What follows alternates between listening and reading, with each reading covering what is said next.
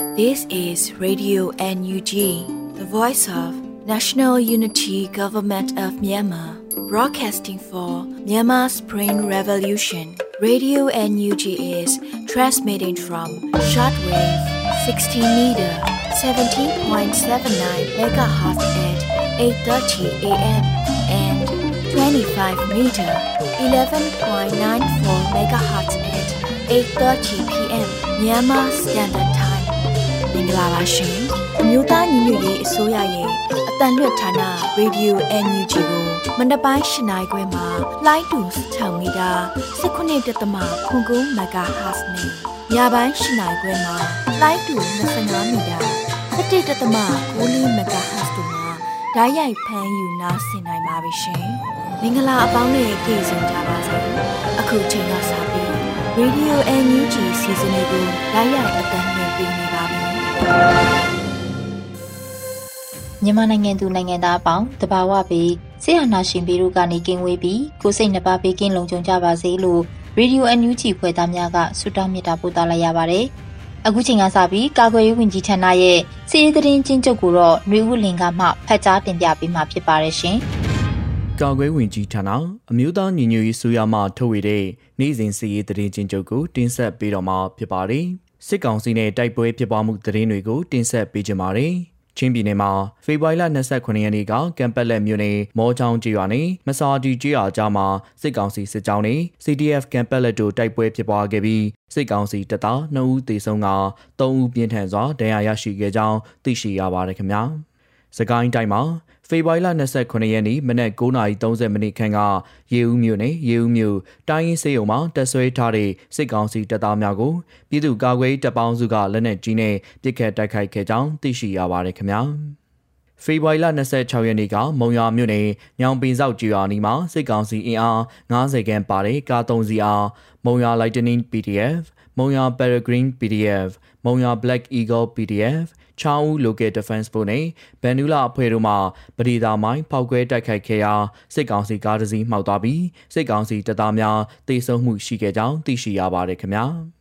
မကွေးတိုင်းမှာဖေဖော်ဝါရီလ26ရက်နေ့နေ့လယ်10:30မိနစ်ခန့်မှညနေ6:00နာရီထိရေစကြိုမြို့နယ်ရေလေကျွန်းဒေသစင်တဲရွာမှာစစ်ကောင်စီအင်အား200ခန့်ကိုမြောင်မြို့နယ်ပြည်သူ့ကာကွယ်ရေးအဖွဲ့နဲ့လုံခြုံရေးအဖွဲ့ CDSOM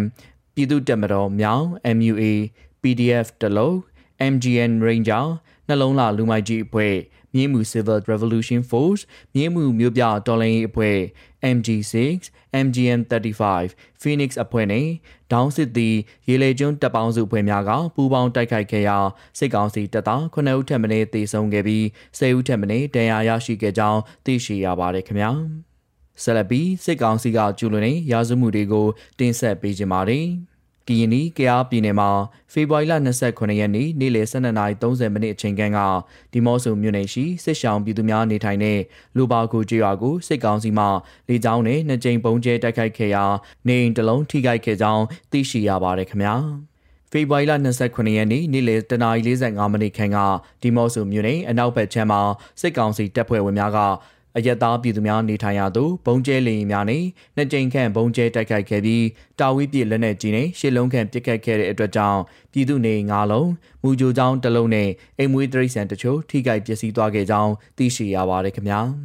မကွေးတိုင်းမှာဖေဖော်ဝါရီလ29ရက်နေ့မနက်09:30မိနစ်ခန့်ကပွင့်ပြူမြို့နယ် NLD ပါတီမြို့နယ်အလုံးမှုဆောင်ဦးအောင်ကျော်စောကိုစစ်ကောင်စီမှပွင့်ပြူဝါတပ်သို့ဖမ်းဆီးခေါ်ဆောင်သွားခဲ့ကြောင်းသိရှိရပါတယ်ခင်ဗျာ။ ဖေဖော်ဝါရီလ26ရက်နေ့နေ့လယ်10:30မိနစ်ခန့်မှညနေ6:00နာရီကြားမှာရေစကြိုမြို့နယ်ရေလေကျွန်းဒေသစင်တဲရွာရှိနေအိမ်များကိုစစ်ကောင်စီများကမိရှို့ဖျက်ဆီးခဲ့ခြင်းကြောင့်နေအိမ်လေးလုံးမိလောင်ပျက်စီးသွားခဲ့ကြောင်းသိရှိရပါတယ်ခင်ဗျာမန္တလေးတိုင်းမှာဖေဖော်ဝါရီလ29ရက်နေ့ညနေ4နာရီခန့်ကတောင်တာမြို့နယ်ကံရွာကျွော်မှာကိုရီးယားတင်နန်းဆရာဦးနိုင်မင်းထွန်း NLD တက်ကြွလှူရှားသူကိုအကြမ်းဖက်စစ်ကောင်စီများကဖမ်းဆီးသွားခဲ့ကြောင်းသိရှိရပါတယ်ခင်ဗျာ။ ယခုတင်ဆက်သွားတဲ့သတင်းတွေကိုမြေပြင်သတင်းတာဝန်ခံများနဲ့သတင်းဌာနတွေမှာဖော်ပြလာတဲ့အချက်လက်တွေပေါ်အခြေခံပြုစုထားခြင်းဖြစ်ပါတယ်။ကျွန်တော်ကတော့ຫນွေဦးလင်ပါ။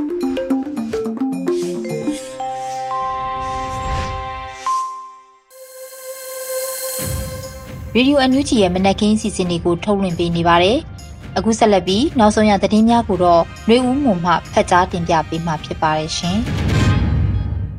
မင်္ဂလာပါရှင်နောက်ဆုံးရသတင်းများကိုတင်ဆက်ပေးသွားမှာဖြစ်ပါတယ်ခုတင်ဆက်မဲ့သတင်းတွေကိုတော့ Radio NUG သတင်းတာဝန်ခံတွေနဲ့ခိုင်လုံတဲ့မိဘသတင်းရင်းမြစ်တွေကအခြေခံတင်ပြထားတာဖြစ်ပါတယ်ကျွန်မຫນွေဦးမော်ပါစစ်ကောင်စီကကလေးငယ်များကိုတစားကန်အဖြစ်ဖမ်းဆီးထားတဲ့အပေါ်ထုတ်ပြန်ချက်တရက်ကို NUG ကထုတ်ပြန်လိုက်တဲ့သတင်းကိုတင်ဆက်ပေးပါမယ်။ပြည်ထောင်စုသမ္မတမြန်မာနိုင်ငံတော်မြို့သားညီညွတ်ရေးအစိုးရလူအခွင့်အရေးဆိုင်ရာဝန်ကြီးဌာနနဲ့ မြို့သမီးလူငယ်နှင့်ကလေးငယ်ရေးရာဝန်ကြီးဌာနမှကျန်းဖတ်စစ်အုပ်စုကရင်းမပင်မြို့နယ်မှာမူဂျိုကလေးငယ်80ဦးခန့်ကိုတစားကန်အဖြစ်ဖမ်းဆီးထားတဲ့အပေါ်ထုတ်ပြန်ချက်ကို2022ခုနှစ်ဖေဖော်ဝါရီလ29ရက်နေ့နေ့စွဲနဲ့ထုတ်ပြန်လိုက်ပါတယ်။အဆိုပါထုတ်ပြန်ချက်မှာတစ်အကြမ်းဖက်စစ်အုပ်စုသည်2022ခုနှစ်ဖေဖော်ဝါရီလ26ရက်နေ့မနက်9:00နာရီခန့်မှစတင်၍စကိုင်းတိုင်းရင်းမပင်မြို့နယ် ချင်းပုံရွာနှင့်နီးစပ်ရာကျေးရွာများကိုစီရင်နှင့်အရက်ဖက်ပြစ်မှတ်များကိုမခွဲကြဘဲလေကြောင်းမှနေ၍ပြစ်ခတ်တိုက်ခိုက်ခဲ့ပါသည်။ကျန်းဖက်စစ်အုပ်စုတပ်ဖွဲ့ဝင်များကျေးရွာများအတွင်းသို့စီးနှင်ခဲ့ခြင်းသည်ချင်းမုံရွာရှိမူကြိုကျောင်းတွင်အသက်9နှစ်အောက်ကလေးငယ်80ဦးနှင့်ကွန်ပျူတာသုံးစွဲမှုသင်ကြားနေသူသက်12နှစ်အောက်ကလေးငယ်များပညာသင်ကြားနေခြင်းဖြစ်သည်။ဂျပန်စစ်တပ်ဝင်ရောက်လာသည့်အတွက်ဆရာဆရာမများကကလေးငယ်များကိုနီးစပ်ရာဘုံကြီးကျောင်းဝင်ရှိမြောက်ခန်းတွင်တို့ပြောင်းရွှေ့ခဲ့ကြပါသည်ဂျမ်ဖတ်စစ်အုပ်စုတပ်ဖွဲ့များကညနေပိုင်းတွင် ထိုကလေးငယ်များကိုမြောက်ခန်းမှထုတ်၍ဖမ်းဆီးခဲ့သည်ထို့သောဖမ်းဆီးခံရမှုတွင်ပါဝင်သည့်ကလေးငယ်များကိုမူဂျိုကျောင်းမှတွားရောက်ခေါ်ယူရန်ကြိုးပမ်းခဲ့သည့်မိဘအချို့ကိုလည်းဂျမ်ဖတ်တပ်များကထမှန်ဖမ်းဆီးခဲ့ပါသည်ရွာသားများပြန်မလာပါကရွာကိုမီးရှို့ပစ်မိဖြစ်ကြောင်း လော့စပီကာမှတဆင့်ကြေညာသည်ဟုသိရှိရသည်။နှစ်လူခွင့်ရေးဆိုင်ရာဝန်ကြီးဌာနနှင့်အမျိုးသမီးလူငယ်နှင့်ကလေးငယ်ရေးရာဝန်ကြီးဌာနတို့အနေဖြင့်ယခုဖမ်းဆီးမှုသည့်ကလေးများကိုတစားကန်အဖြစ်ဖမ်းဆီးထားမှုဖြစ်သည်ဟုယူဆသည်ထို့အပြင် ဖမ်းဆီးခံရသောကလေးများဆရာဆရာမများနှင့်မိဘများအပေါ်တစုံတရာထိခိုက်နိုင်မည်ကိုအလွန်အမင်းစိုးရိမ်ပူပန်ပါသည်ယခုကဲ့သို့သောလုပ်ရသည်ပြိပခကာလာအတွင်းကလေးငယ်များအပေါ်ကြမ်းဖက်မှုဖြစ်သည့်အတွက်အပြင်းအထန်ရှုံချသည်၃အကြမ်းဖက်စစ်အုပ်စုအနေဖြင့်ကလေးတငယ်များဆရာဆရာမများနှင့်မိဘများကိုထပ်မံ၍ကိုထိလက်ရောက်ထိခိုက်နာကျင်စေမှုမပြုဘဲချက်ချင်းလှုပ်ပေးရမည်ကလေးတငယ်များဆရာဆရာမများနှင့်မိဘများ၏ရုပ်ပိုင်းဆိုင်ရာထိခိုက်မှုများ စိတ်ပိုင်းဆိုင်ရာထိခိုက်မှုများအတွက်ပြန်လည်ကုစားနိုင်ရဲ့အတွက်ရနိုင်သမျှသောနည်းလမ်းများဖြင့်ဆောင်ရွက်ပေးနိုင်ရန်မိမိတို့ဝန်ကြီးဌာနများမှကြိုးပမ်းမည်နိုင်ငံတကာအတိုင်းအဝိုင်းနိုင်ငံတကာအဖွဲ့အစည်းများအနေဖြင့်လည်းကလေးတငယ်များလွတ်မြောက်ရေးဘေးအန္တရာယ်ကင်းရှင်းရေးလုံခြုံရေးရုပ်ပိုင်းဆိုင်ရာနဲ့စိတ်ပိုင်းဆိုင်ရာထိခိုက်မှုများကိုကုစားရေးအတွက်ပံ့ပိုးကူညီပေးကြပါရန်မြစ်တာရက်ခံသည်လို့ထုတ်ပြန်ထားပါတယ်ရှင်။ ဆက်လက်ပြီးကဏီမြို့မှာစေအုပ်စုလက်အောက်ဝန်ထမ်းအများအပြားနှုတ်ထွက်နေကြတယ်ဆိုတဲ့သတင်းကိုတင်ပြပေးပါောင်းမယ်။စကိုင်းတိုင်းကဏီမြို့မှာအကြံဖတ်စေအုပ်စုရဲ့ဌာနဆိုင်ရာဝန်ထမ်းတွေအလူအယက်နှုတ်ထွက်နေကြပြီးကဏီ PDF ကိုနှုတ်ထွက်ကြောင်းနဲ့ CDM လှုပ်ဆောင်နေကြောင်းစာရင်းတွေပေးပို့နေကြတယ်လို့ကဏီ PDF ကသတင်းထုတ်ပြန်လိုက်ပါတယ်။ကဏီမြို့နယ်အတွင်းကအကြမ်းဖက်စစ်အုပ်စုလက်အောက်ခံဌာနဆိုင်ရာဝန်ထမ်းတွေအုပ်ချုပ်ရေးမှုတွေအနေနဲ့ဖေဖော်ဝါရီလ28ရက်နေ့နောက်ဆုံးထားပြီးနှုတ်ထွက်ချဖို့ ကဏီ PDF ကသတိပေးပြီးနောက်မှာအခုလိုနှုတ်ထွက်နေကြတာဖြစ်ပါတယ်။ CDM လှုပ်ဆောင်လို့သူဝန်ထမ်းတွေနဲ့အပိတိုင်းနှုတ်ထွက်တဲ့ဝန်ထမ်းတွေရဲ့စီရင်ကိုကဏီ PDF ကိုနက်ဖြန်ညနေ၄နာရီနောက်ဆုံးထားပြီးပေးပို့ကြဖို့ကိုလည်းသတိပေးထားခဲ့ပါတယ်။သမက်ရက်အတွင်းနှုတ်ထွက်မှုမရှိတဲ့စေအုပ်စုတောက်တိုင်းတွေကိုကဏီ PDF အနေနဲ့စီးရင်တဲ့တကွကျင်းညာပြီးလူမှုရေးပြည်တံပေးတာတွေထိထိရောက်ရောက်ရေးယူဆောင်ရွက်တာတွေလှုံ့ဆော်သွားမယ်လို့ဆိုပါတယ်။ ဒေသခံမဟုတ်တဲ့စေအုပ်စုတောက်တိုင်းဌာနဆိုင်ရာဝန်ထမ်းအချို့ဟာလည်းကဏီမျိုးကနေထွက်ခွာနေကြပြီဖြစ်တယ်လို့သိရပါတယ်ရှင်။ဆန္နာသိမ့်ပြီးတဘာဝတယံဇာတထုတ်ယူသုံးဆွဲမှုတိုးလာနိုင်ခြေစိုးရင်ရတယ်ဆိုတဲ့သတင်းကိုတင်ဆက်ပေးပါမယ်။မြန်မာနိုင်ငံမှာစစ်တပ်ကအာဏာသိမ်းပြီးနောက်ပိုင်းတဘာဝတယံဇာတထုတ်ယူမှုသုံးဆွဲမှုနဲ့တရားမဝင်မောင်ခိုတင်ပို့မှုတွေအစမတန်တိုးလာသလိုတတော်ပြုံးတိမှုကိုလည်းအတော်ဆိုးလာတယ်လို့စောင့်ကြည့်လေ့လာနေတဲ့ ပညာရှင်တွေနဲ့အဖွဲ့အစည်းတွေကပြောပါတယ်။သက်ဆိုင်ရာတာဝန်ရှိသူတွေဘက်ကလည်းဒီကိစ္စကို PPCC မလုံနိုင်တဲ့အပြင်ဘာဝပတ်ဝန်းကျင်အရေးလောက်ကင်သူတွေအဖမ်းခံရတာတိန်းရှောင်နေရတာတွေလည်းရှိနေပါတယ်။ဆီယနာသိမ်းပြီးနောက်ပိုင်းမြန်မာနိုင်ငံထဲမှာတစ်တော်သက်ထုနဲ့မြေယာတယံဇာတထုတ်ယူမှုတွေအစမတန်တိုးလာပါတယ်။မြို့သားဒီမိုကရေစီအဖွဲ့ချုပ်ပါတီအစိုးရလက်ထက်တုန်းက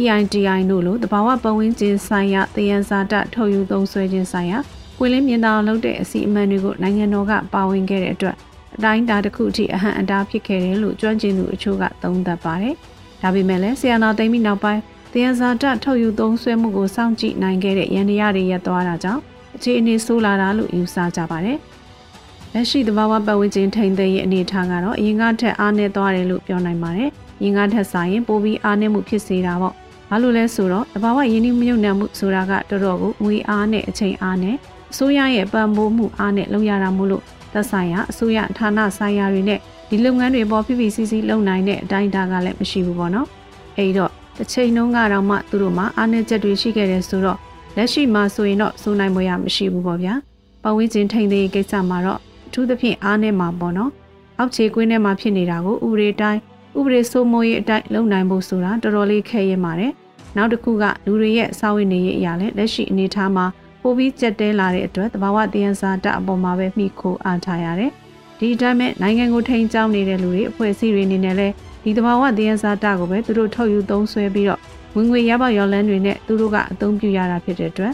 တဘာဝထိန်းသိမ်းရေးဆိုတာကနောက်ွယ်ကိုကျန်ခဲ့တာပေါ့။မြန်မာနိုင်ငံတွင်းကထွက်တဲ့ကြောက်စိမ့်တွေရဲ့90ရာခိုင်နှုန်းပြည်ပကိုတရားမဝင်ခိုးထုတ်ရောင်းချနေပြီးအလုံးဒီပါတရုတ်နိုင်ငံကဝယ်ယူနေတာလို့လည်းအစီရင်ခံစာမှာဖော်ပြထားတာပါ။ ကချင်ပြည်နယ်ကြောင်စိမ်းတူဖော်ရေးလောက်ကကမြေစာပုံစွန့်ပစ်မှုနဲ့တဘာဝပတ်ဝန်းကျင်ထိခိုက်နိုင်ခြင်းကိုစောင့်ကြည့်နေတဲ့ဒေသခံတဘာဝပတ်ဝန်းကျင်ဖွဲ့တယောက်ကလက်ရှိအခြေအနေကို VOA ကိုခုလိုပြောပြပါရယ်။စစ်တပ်ကိုလည်းကြောက်ရတယ်။ KIA လည်းကြောက်ရတဲ့နှစ်ဖက်လုံးကြောက်ရတယ်။နှစ်ဖက်စလုံးကဒီလိုဘာမှထိမ့်သိမ်းဆောက်ရှောက်ခြင်းနဲ့စိတ်မရှိတဲ့အခါကျတော့ကျွန်တော်တို့ပြောနေရင်လည်းပြောတဲ့လူပဲအသက်အန္တရာယ်ဆိုးရင်ရတာပဲရှိတယ်။ကချင်ပြည်နယ်ဟာ Rare Earth လို့ခေါ်တဲ့မြေရှားသတ္တုတွေထွက်တဲ့နေရာမှာတရုတ်နဲ့အမေရိကန်ပြီးရင် ကမ္ဘာမှာတတိယအများဆုံးရှိတဲ့နေရာလည်းဖြစ်ပါတယ်။ကိုဗစ်ကရောဂါကြောင့်တရုတ်နိုင်ငံကသူ့နယ်စပ်တွေတင်းကျပ်စွာပိတ်ထားတဲ့အချိန်မျိုးမှာတော့မြေရှားသတ္တုတွေကိုတော့ဝင်ခွင့်ပြုခဲ့ပါတယ်။အာကာသနည်းပညာနဲ့ခေတ်မီပစ္စည်းကိရိယာတွေမှာမရှိမဖြစ်လိုအပ်တဲ့မြေရှားသတ္တုကိုဆီယနာသိမ့်ပြီးလာပိုင်းအတွင်းမှာကချင်ပြည်နယ်ကနေထုတ်လုပ်မှု9ဆတိုးလာတယ်လို့လည်း Asia Times သတင်းစာမှာဖော်ပြခဲ့ပါတယ်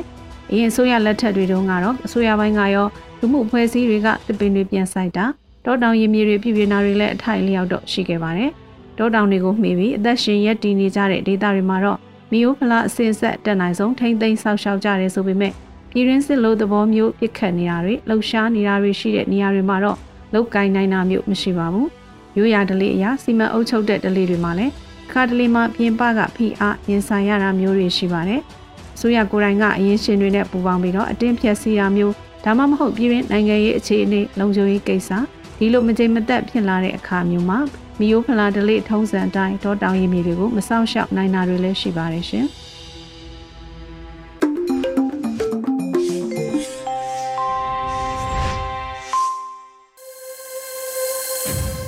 အခုဆက်လက်ပြီးနားဆင်ကြရမှာကတော့ပြည်သူခုခံတော်လှန်စစ်တရင်များဖြစ်ပါတယ်။ကျော်နေဦးမှဖတ်ကြားတင်ပြပေးပါမယ်ရှင်။ပထမဦးစွာမုံရွာမှာ CDM ကျောင်းဆရာမနေအိမ်ကိုဖျက်ဆီးခဲ့တဲ့ စစ်ကောင်စီတပ်ဖွဲ့များအပြန်၌မိုင်းဆွဲတိုက်ခိုက်ခံရတယ်လို့ဆီယာမသတင်းစစ်တပ်ထံပေးသူလည်းအသက်ခံရတဲ့သတင်းကိုတင်ဆက်ပါမယ်။စကိုင်းတိုင်းမုံရွာမြို့နယ်ထနောင်းတော်မြောက်ရွာရှိ CDM ဆီယာမတဦးနေအိမ်ကိုအကြမ်းဖက်စစ်ကောင်စီတပ်ဖွဲ့များကဖေဖော်ဝါရီလ26ရက်နေ့မှာဝင်ရောက်ဖျက်ဆီးခဲ့ပြီးနောက်အပြန်မုံရွာအမြင့်လန်းသို့ဆင်းလာစဉ်ဒေသခံကာကွယ်ရေးညီနောင်မဟာမိတ်၅ဘွဲကမိုင်းဆွဲတိုက်ခိုက်ခဲ့ကြောင်းစစ်သားများထိခိုက်ဒေဆုံးမှုအခြေအနေကိုမသိရှိရသေးကြောင်း မုံရွာအမြင့်လန်းသတင်းမှန်ပြန်ကြားရေးအဖွဲ့ကတာဝန်ရှိသူတူကပြောဆိုပါရယ်။ဒါ့အပြင် CDM ကျောင်းဆရာမနေအိမ်ကိုစစ်တပ်ထံသတင်းပေးတိုင်ကြားခဲ့တဲ့ပြူစောတိအဖွဲ့ဝင်ဇော်မိုးလွင်ကိုလည်းယနေ့ဖေဖော်ဝါရီလ28ရက်နေ့နနက်6နာရီခန့်မှာ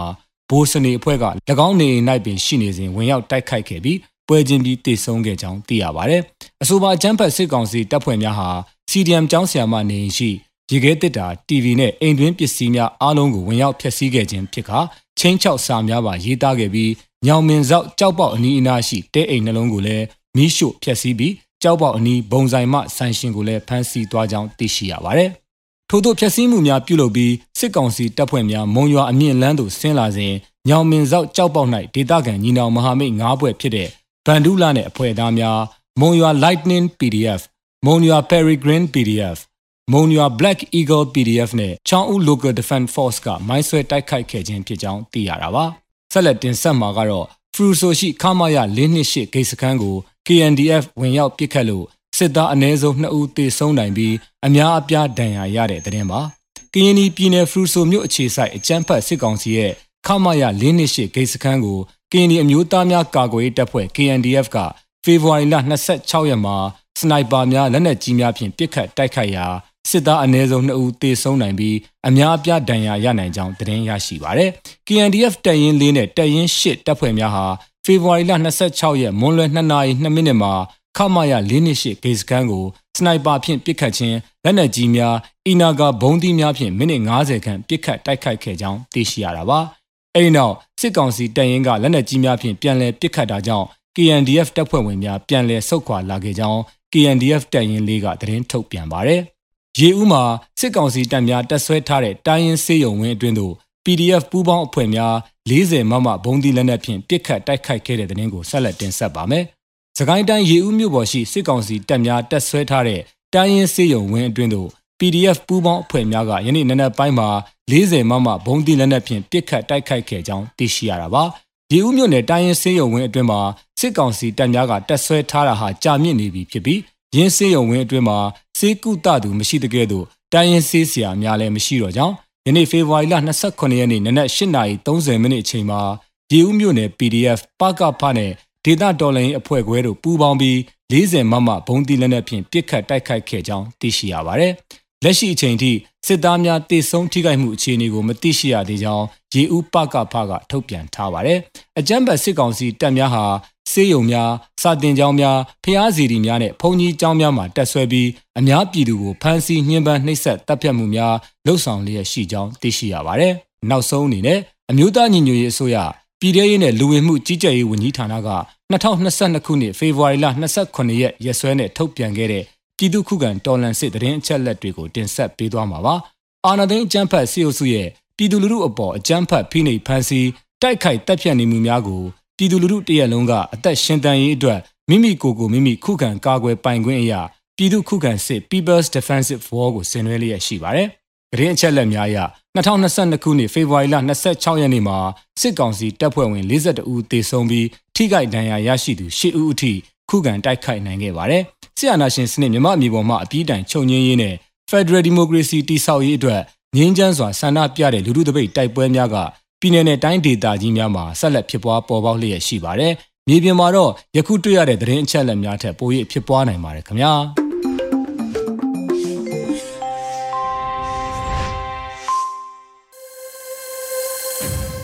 ရေဒီယိုအန်ယူဂျီရဲ့မနက်ခင်းစီစဉ်တွေကိုဆက်လက်တင်ပြနေပါတယ်။ဒီနေ့ရဲ့တော်လှန်ရေးတိတ်ဂီတာစီစဉ်မှာတော့လူခွင့်ရေးဆိုင်ရာဝန်ကြီးဌာနကတင်ဆက်ထားတဲ့ Equal Revolution တိတ်ဂီတာကိုနားဆင်ကြရတော့မှာဖြစ်ပါတယ်ရှင်။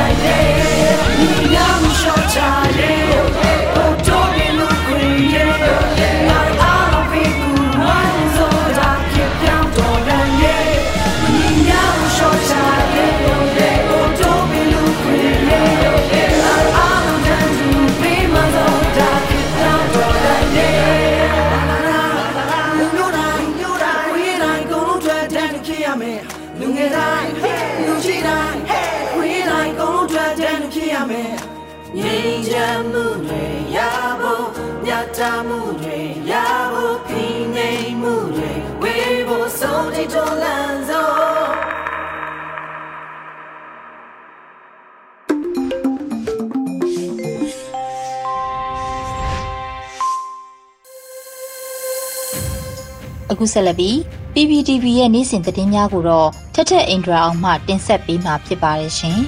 ။ခုပထမဆုံးတင်ဆက်ပေးမှာကတော့အကြမ်းဖက်စစ်ကောင်စီကနေအိမ်တွေကိုချိတ်ပိတ်မှုတွေလုပ်နေတဲ့အပေါ်အမျိုးသားညီညွတ်ရေးအစိုးရကကြေညာချက်ထုတ်ပြန်လိုက်တဲ့ဆိုတဲ့သတင်းမှာ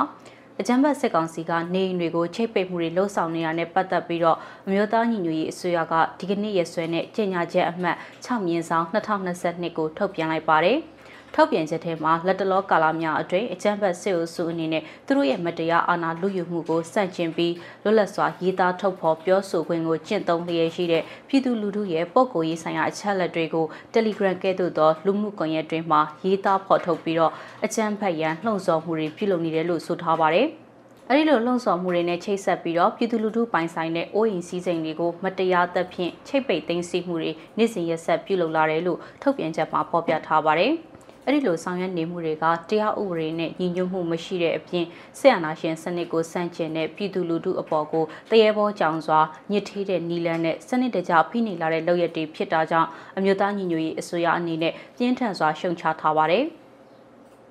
ဥပဒေနဲ့ညီညွတ်ခြင်းမရှိတဲ့မတရားဆောင်ရွက်မှုတွေမှာပူးပေါင်းပါဝင်ဆောင်ရွက်ကြသူလူပုဂ္ဂိုလ်တဦးချင်းတယောက်ချင်းစီတိုင်းကမိမိတို့ပါဝင်ပတ်သက်မှုအတိုင်းတာပေါ်မူတည်ပြီးတာဝန်ယူတာဝန်ခံရစေရေးအတွက်အမျိုးသားညီညွတ်ရေးအစိုးရအနေနဲ့ဆောင်ရွက်သွားမှာဖြစ်တာကြောင့်ကျူးလွန်ခံရတဲ့ပြည်သူတွေအနေနဲ့ကျူးလွန်မှုမှာပူးပေါင်းပါဝင်ပတ်သက်သူတွေရဲ့အချက်လက်တွေအပါအဝင်မတရားချိတ်ပိတ်သိမ်းဆည်းခံရတဲ့အိုးအိမ်ပိုင်ဆိုင်မှုစည်ရင်းများကိုတပ်တည်တဲ့တကွအမျိုးသားညီညွတ်ရေးအစိုးရပြည်ထောင်စုနဲ့လူဝင်မှုကြီးကြပ်ရေးဝန်ကြီးဌာနရဲ့အင်တာနက်စာမျက်နှာမှာတိုင်ကြားနိုင်ပါတယ်။ပြည်သူတွေရဲ့ပေးပို့တိုင်ကြားမှုတွေကိုအမျိုးသားညီညွတ်ရေးအစိုးရလက်မှအပူတန်းလျက်ရှိတဲ့ရဲတပ်ဖွဲ့ဝင်တွေရဲ့စုံစမ်းစစ်ဆေးဖော်ထုတ်မှုတွေကိုအခြေခံပြီးတော့အဆိုပါကိစ္စရပ်တွေကိုတရားမျှတမှုရရှိရေးဆောင်ရွက်သွားမှာဖြစ်တယ်လို့ထုတ်ပြန်ချက်မှာဖော်ပြထားပါတယ်။အသွင်ကူးပြောင်းမှုကာလတရားမျှတမှုဖော်ဆောင်ရေးအစီအစဉ်တွေအကောင့်ထဲပေါ်ချိန်မှာဥပဒေမဲ့တင်စီခံရတဲ့ပြည်သူတွေရဲ့အိုးအိမ်ပိုင်ဆိုင်မှုတွေကိုပြည်သူလက်ရောက်ပြန်လည်ပေးအပ်နိုင်ရေးဦးစားပေးဆောင်ရွက်သွားမှာဖြစ်တယ်လို့ဆိုပါတယ်။ နိုင်ငံတော်ရဲ့အာဏာကိုတရားမဝင်လူယူထားတဲ့အကြမ်းဖက်အဖွဲ့အစည်းတစ်ခုဖြစ်တဲ့စစ်အုပ်စုကတရားဥပဒေနဲ့ညီညွတ်မှုမရှိဘဲဆောင်ရွက်နေမှုအလုံးကညီသည့်တရားမှုမှမရှိဘဲနဲ့ပြက်ပြယ်ပြီးဖြစ်တယ်လို့ထုတ်ပြန်ချက်မှာဖော်ပြထားပါတယ်။ အဲ့ဒီအတွက်ကြောင့်နေချိတ်ပိတ်သိမ်းဆည်းခံမှုတွေအလုံးဟာလည်းကျူးလွန်ခံရတဲ့ပြည်သူတအုပ်တယောက်ချီစီရိုင်းအပေါ်တရားမှုမရှိစေပဲမြည်သည့်ဆုံးရှုံးမှုမှမရှိစေရေးနဲ့အသွင်ကူးပြောင်းမှုကာလတရားမျှတမှုဖော်ဆောင်ရေးအစီအစဉ်တွေအကောင့်ထဲပေါ်ချိန်မှာဥပဒေမဲ့သိမ်းဆည်းခံရတဲ့ပြည်သူတွေရဲ့အိုးအိမ်ပိုင်ဆိုင်မှုတွေကိုပြည်သူလက်ရောက်ပြန်လည်ပေးအပ်နိုင်ရေးအတွက်အမျိုးသားညီညွတ်ရေးအစိုးရအနေနဲ့စီမံဆောင်ရွက်သွားမှာဖြစ်တယ်လို့လည်းသတင်းထုတ်ပြန်ချက်မှာဖော်ပြထားတာကိုတွေ့ရပါတယ်။ ဆက်လက်ပြီးတော့ရပောင်း266ရက်အတွင်းအကြမ်းဖက်စစ်သား9000ကျော်သေဆုံးပြီး3000ကျော်ဒဏ်ရာရခဲ့တယ်လို့ကာကွယ်ရေးဝန်ကြီးဌာနကသတင်းထုတ်ပြန်လိုက်တဲ့သတင်းကိုတင်ဆက်ပေးပါမယ်။ပြီးခဲ့တဲ့2021ခုနှစ်ဇွန်လ1ရက်ကနေဖေဖော်ဝါရီလ22ရက်နေ့အထိရက်ပေါင်း266ရက်အတွင်းအကြမ်းဖက်စစ်သား9000ကျော်သေဆုံးပြီးတော့300ကျော်ဒဏ်ရာရခဲ့တယ်လို့အမျိုးသားညီညွတ်ရေးအစိုးရကာကွယ်ရေးဝန်ကြီးဌာနကသတင်းထုတ်ပြန်လိုက်ပါတယ်။ ကာကွယ်ရေးဝန်ကြီးဌာနကဒီကနေ့ထုတ်ပြန်တဲ့ကရင်နယ်ဆိုင်ရာအချက်လက်တွေအရအကြမ်းဖက်စစ်တပ်ကတေဆုံမှုမှာ9008ဦးဒဏ်ရာရရှိသူ3158ဦးဖြစ်တယ်လို့ဖော်ပြထားပါတယ်။ဒါအပြင်အရက်သားတေဆုံးမှုက1960ဦးအရက်သားထိခိုက်ဒဏ်ရာရရှိသူ1048ဦးနဲ့အရက်သားဖမ်းဆီးထိန်းသိမ်းခံရသူ9300ဦးတို့ဖြစ်တယ်လို့ဖော်ပြထားပါတယ်။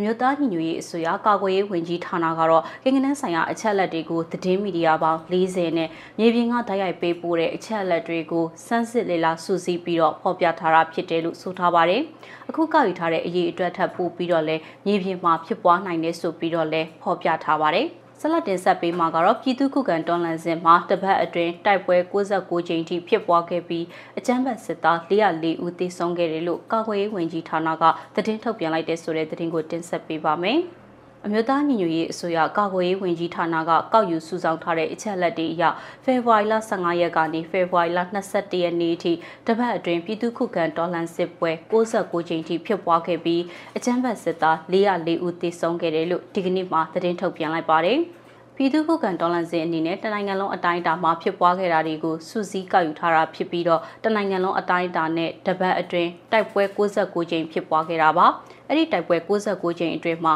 အကြမ်းဖက်စစ်သား404ဦးသေဆုံးခဲ့ပြီး125ဦးထိခိုက်ဒဏ်ရာရရှိခဲ့တယ်လို့ဖော်ပြထားပါတယ်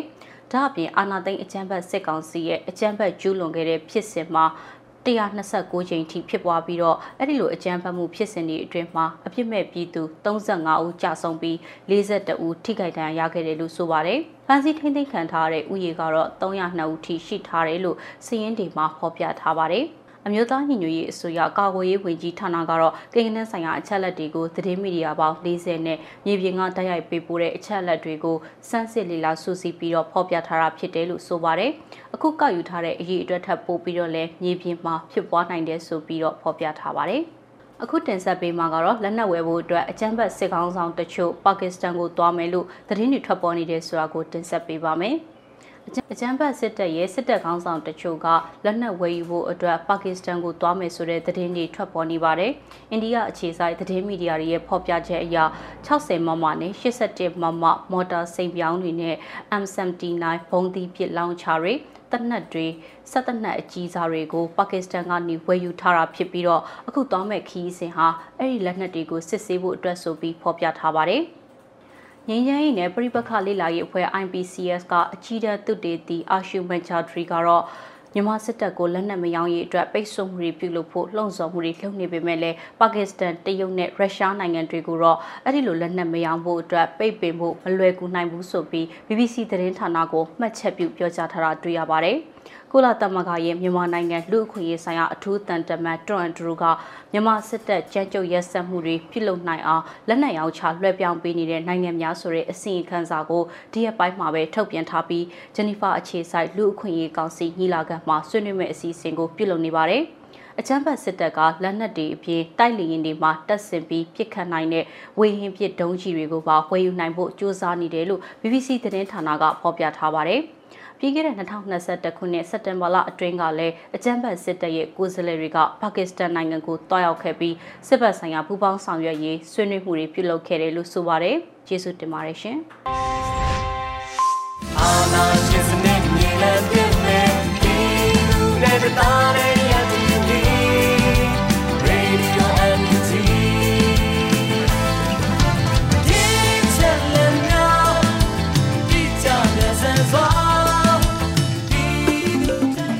ကနေ့ကတော့ဒီညနေပဲ Radio NUG ရဲ့အစီအစဉ်လေးကိုခေတ္တရ延လိုက်ပါမယ်ရှင်မြန်မာစံတော်ချိန်မနေ့၈နိုင်ခွဲနဲ့ည၈နိုင်ခွဲအချိန်တွေမှာပြောင်းလဲဆိုပြကြပါလို့ရှင်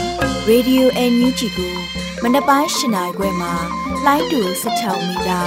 19တက်တမခုကူမဂါဟတ်နဲ့ညပိုင်း၈နိုင်ခွဲမှာ